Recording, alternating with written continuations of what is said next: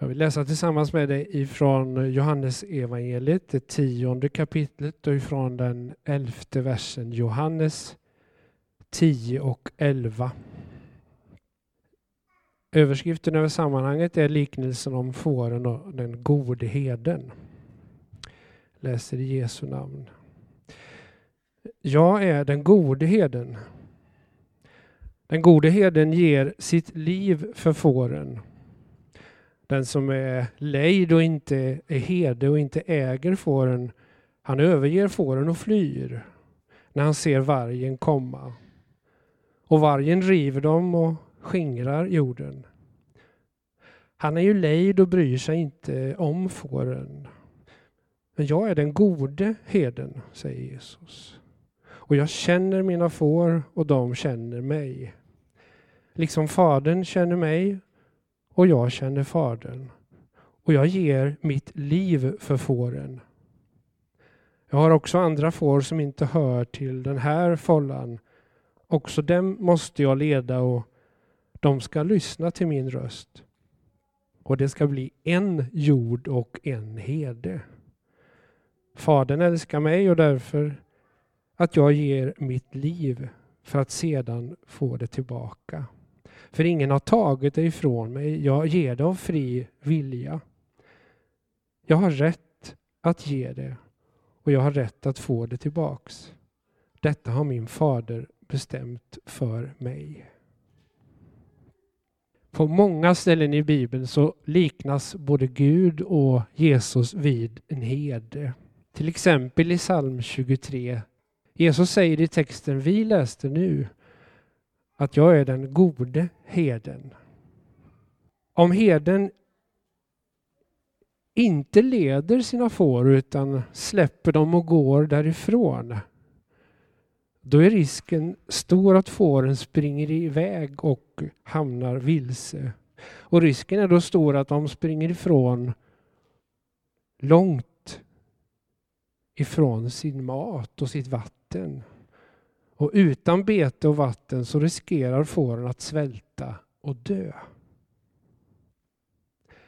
Hedens högsta prioritet det är just att föra fåren till deras mat, alltså till deras bete. Herdens roll är livsviktig för fåren. Han har deras hälsa som sitt högsta mål och han är beredd att göra allt för att leda dem rätt. Vägen till betesmarken den kan gå över krångliga och jobbiga berg och dalar och genom snår och ut med väldigt smala stigar. Och fåren funderar kanske över vad heden egentligen håller på med ibland. Har han överhuvudtaget någon koll på vart han för oss? Svårt att veta om får funderar, jag vet, men om. Men det är lugnt för heden ser målet tydligt och klart framför sig och han både vet vägen och känner vägen väl. Det hänger en stor tavla ovanför altaret i Reftele missionsförsamling där jag arbetar. En stor målning. Och det är ett lamm som har tagit sig ut för en kant och allra längst ut på kanten inför ett bråddjup hål så hänger lammet precis på kanten. Men en hand har fått tag i pälsen på lammet. Och den handen sträcker sig upp och håller precis på en kant med den andra handen. Det ser helt livsfarligt ut. Det är heden som med risk för sitt eget liv, beredd att betala med sitt eget liv, håller så lite säkerhet och gardering som möjligt för sitt eget liv, men sträcker sig så långt det behövs för att nå fåret och kunna rädda hem fåret. Fåren kan vara trygga även om de på tavlan hamnar långt bort ifrån där de ska vara. För heden, han är beredd att göra allt för att få fåren att hamna rätt. Han är beredd att göra allt för att rädda lammet. Över hela världen finns människor i olika åldrar som har det gemensamt att de har bett samma bön över sitt liv, över många år. Bönen Herre, led mig på den rätta vägen. Gör allt som jag behöver, du som känner mig. De människorna delar också den märkliga erfarenheten av att ha blivit ledda genom olika situationer och ändå till slut hamnat rätt. Jesus säger inte bara att han är den gode herden, han fortsätter versen med orden En god herde ger sitt liv för fåren. För herdarna i Bibeln så handlade det mycket om att rädda både får och lamm för att rädda det ekonomiska värdet i varje får. Ett förlorat får, det var en ekonomisk olycka. Den gode herden Jesus kom inte till vår planet för att rädda hem det ekonomiska värdet hos oss som individer. Han kom för att rädda det eviga livet i oss. Det liv som alla människor en gång förlorade i tidens början. När människan lämnade Gud och gick just sin egen väg. Jesus är typexempel för en som räddar. Det han vill rädda oss ifrån det är att vara utan Gud för evig tid. Det finns en evig väg min vän. På den vägen lever vi om vi än dör. Vi hittar den vägen om vi tror på Jesu död för våra synder och hans uppståndelse. Den tron ger oss det eviga livet som en gåva. I Matteus 26 och 32 så säger Jesus Matteus 26 och 32. Men när jag har uppstått så ska jag gå före er till Galileen. Och i Markus 14 och 28 står exakt samma ord.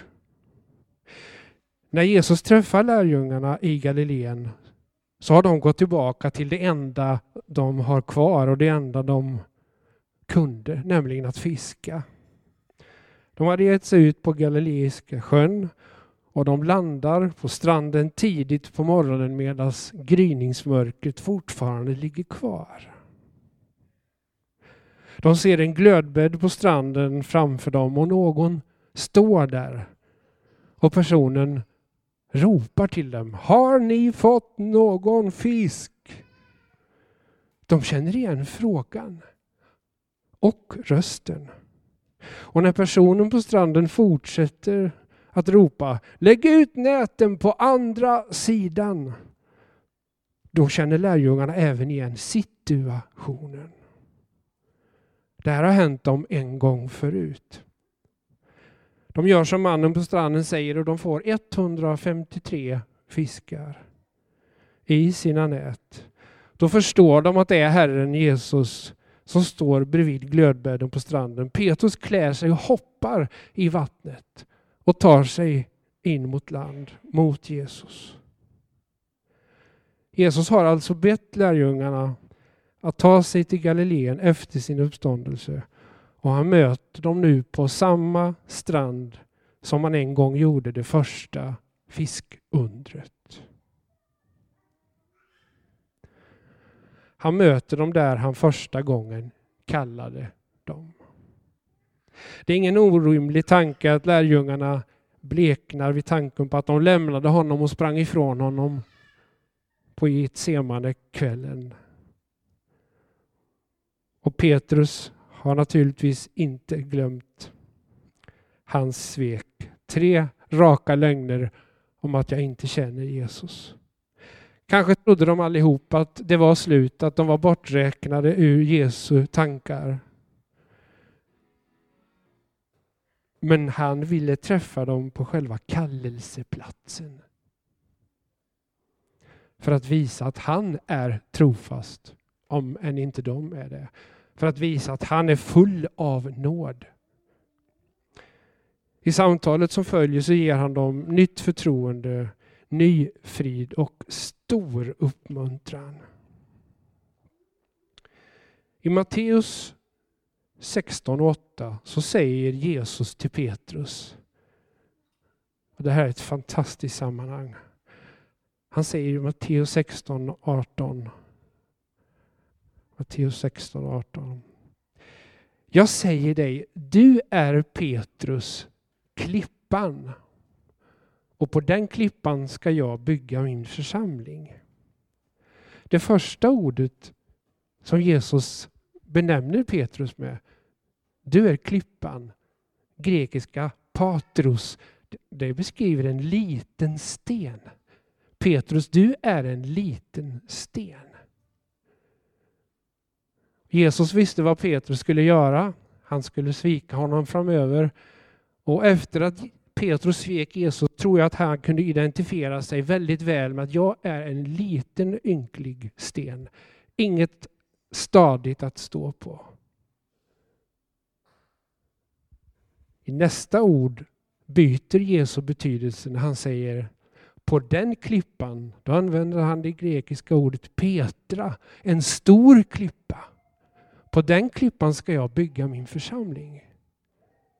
Så Petrus litenhet, begränsade person ses av Jesus som en stor klippa som han kan använda till stora saker i framtiden. Från ett stort svek får Petrus ett stort förtroende. Det står i Johannes evangeliet 21 och 15 och verserna framåt. När de hade ätit så sa Jesus till Simon Petrus, Simon Johannes son, älskar du mig mer än de andra gör? Simon svarade, ja herre, du vet att jag har dig kär. Jesus sa, för mina lamm på bete. Och han frågade honom för andra gången, Simon, Johannes son, älskar du mig? Simon svarade, ja herre, du vet att jag har dig kär. Jesus sa, var en herde för mina får. Och han frågade honom för tredje gången, Simon, Johannes son, har du mig kär? Och Petrus blev bedrövad när Jesus för tredje gången frågade, har du mig kär? Och han svarade, herre, herre du vet allt. Du vet att jag har dig kär. Och Jesus sa, för mina får på bete. Petrus skulle leda och rädda. Han skulle hela det trasiga. Han skulle bli klippan som Jesus skulle bygga sin församling på. Och nu där på stranden blir Petrus den klippan. Just i den stund där hans svek sved som mest får han sin uppgift. Var en herde för mina får. Petrus fick som uppgift att ge föda åt Jesu får. Hans lärjungar. Han fick ansvar för brödfödan, för utspisningen, för undervisningen, helandet av sjuka, förbarmandet över det svaga. Ja, att göra allt det som Jesus hade gjort. Det skulle nu lärjungarna göra med, Jesus, med Petrus som herde och ledare. Så på samma strand kallade han dem en gång till. Han kallade dem att rädda, att lyfta, att leda och med sina liv visa på det rätta och ha de trasiga människorna för sina ögon där de går fram. Därefter säger Jesus till Petrus, följ mig. Det är den kristna kallelsen uttalad från Jesus själv.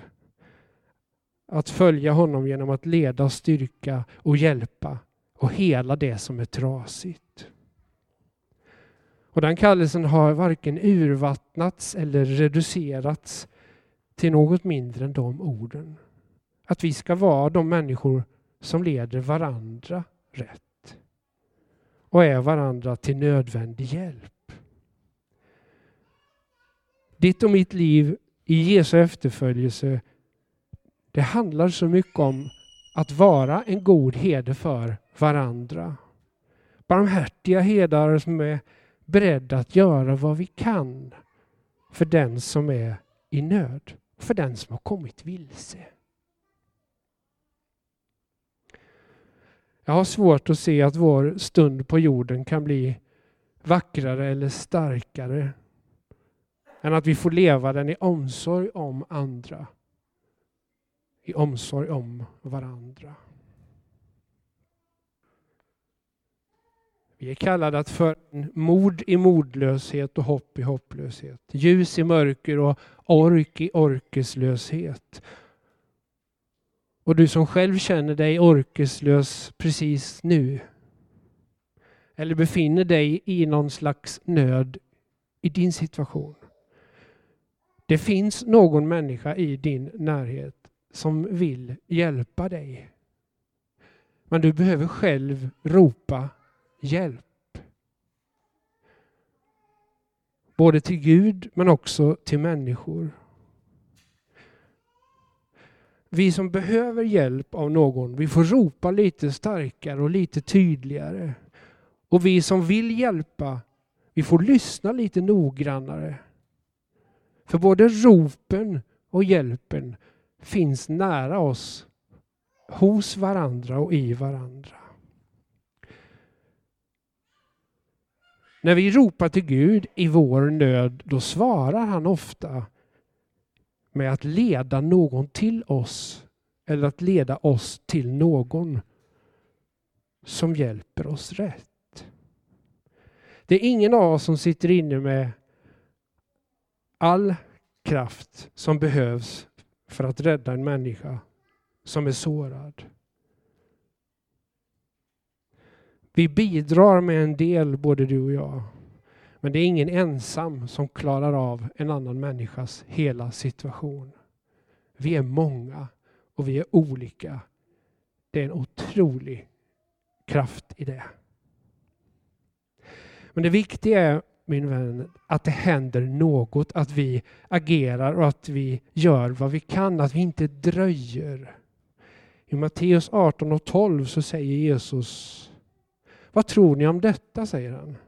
Om en man har hundra får och ett av dem springer bort, lämnar han då inte de 99 i öknen, i bergen? Alltså inte hemma i någon trygg plats i ladan, utan lämnar han då inte dem i bergen och ger sig ut och letar efter det som har kommit bort? Han agerar på en gång när nöden syns. Vi ska inte dröja med vår hjälp till den som ropar i nöd. Jesus når långt med sin utsträckta hand. Den här tavlan hemma, den är en överdriven målning för han sträcker sig så långt han sträcker sig ungefär som att det går inte att nå en människa eller ett lamm i en så tillkrånglad situation.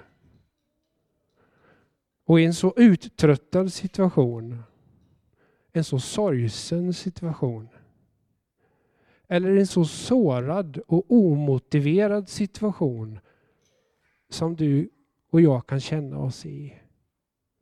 Dit ingen människa når även efter tappra försök. Dit når Kristus.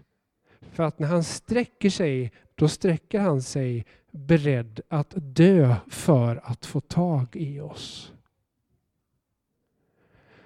Så din situation just idag, den kan sträcka sig 30-40 år tillbaka i tiden. Eller den kan handla om nuet. Men till och med i tiden sträcker sig den gode herden för att få tag och hela det som är trasigt. För att kunna dra dig upp på vägen, på spåret, ge dig riktning på väg hem till Gud. Det är en full verksamhet. Gud är på tå över hela världen precis nu för att hitta människor som har gått sönder, som har gått en annan väg, som har tappat bort hemmet, lugnet. Genom människor så räddar Gud varje dag tusentals människor hem tillbaka till det eviga livet. Amen.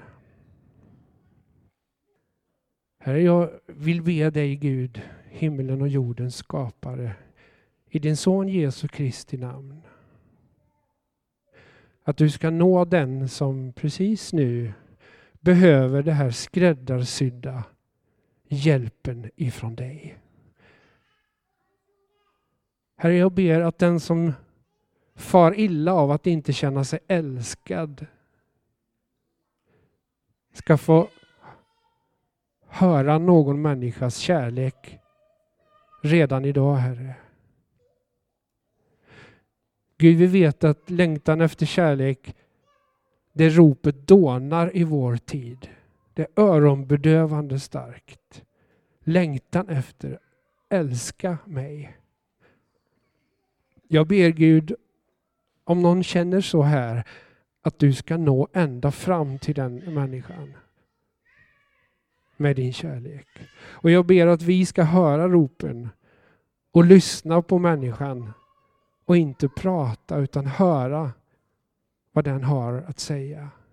Låt oss få läka varandra med kärlek genom att, att lyssna Gud. Och tack att du inte har övergivit ett enda av de hundra fåren. Så ingen av oss här inne, ingen av dem vi tänker på, överger du. Du har redan siktet inställt på att hitta, att finna, att lyfta och föra framåt på vägen hem. Tack för det eviga livet, Jesus Kristus. Amen.